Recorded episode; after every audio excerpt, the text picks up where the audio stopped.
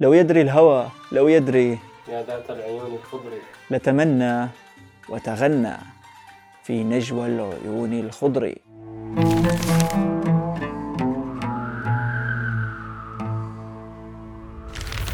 كما غناها الفنان الراحل وديع الصافي متغزلا بتلك العيون التي تضع الفرد في حيرة.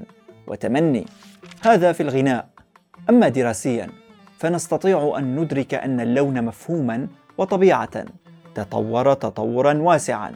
فسابقا كان التقليديون ينظرون إلى اللون نظرة مادة ترتبط بالشكل مباشرة.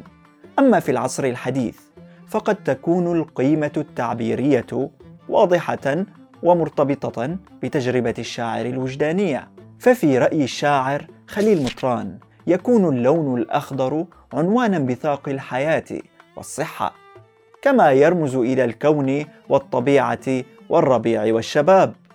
وعند نزار كان الأخضر سر اللون والضوء في الشرق والغرب. ترى يا جميلة لولاك هل ضج بالورد درب؟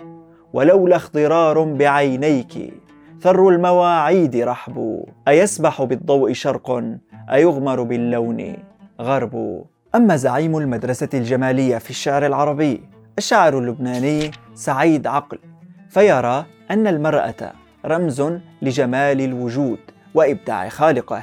ينقله السحر من سنى الزنبق إلى ذراعيها ثم إلى أراجيح الهوى ومروج عيونها الخضراء إذ يقول يكون أن أشهق لكبر عينيها ومن سنى الزنبق إلى ذراعيها. ينقلني الفتون ينقلني إلى الغوى إلى أراجيح الهوى إلى المروج الخضر في الجفون. وبعيدا عما سبق تفرد أمل دنقل بتعبيره الإبداعي عن العيون الخضر. فهما أغنيتان تبحران في ذلك الصيف الحران العينان الخضراوان. مروحتان في أروقة الصيف الحران. أغنيتان مسافرتان أبحرتا من نايات الرعيان. بعبير حنان بعزاء من آلهة النور إلى مدن الأحزان سنتان.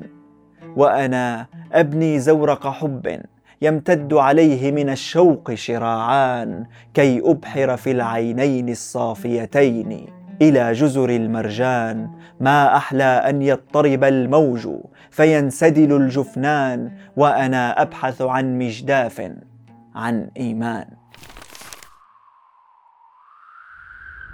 وبين الألوان الجميلة المختلفة تاهت أفئدتنا في دروب العجب والفتنة. فمن الأزرق والأخضر إلى الأبيض الذي يرمز للصفاء والنقاء والعفاف والسلم نهاية عند الأسود الذي يعكس الحزن والظلام والقساوة والصلادة.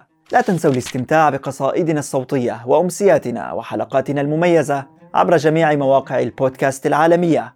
وتعالوا لنتحدث عن الشعر. تحت فيء من شعر.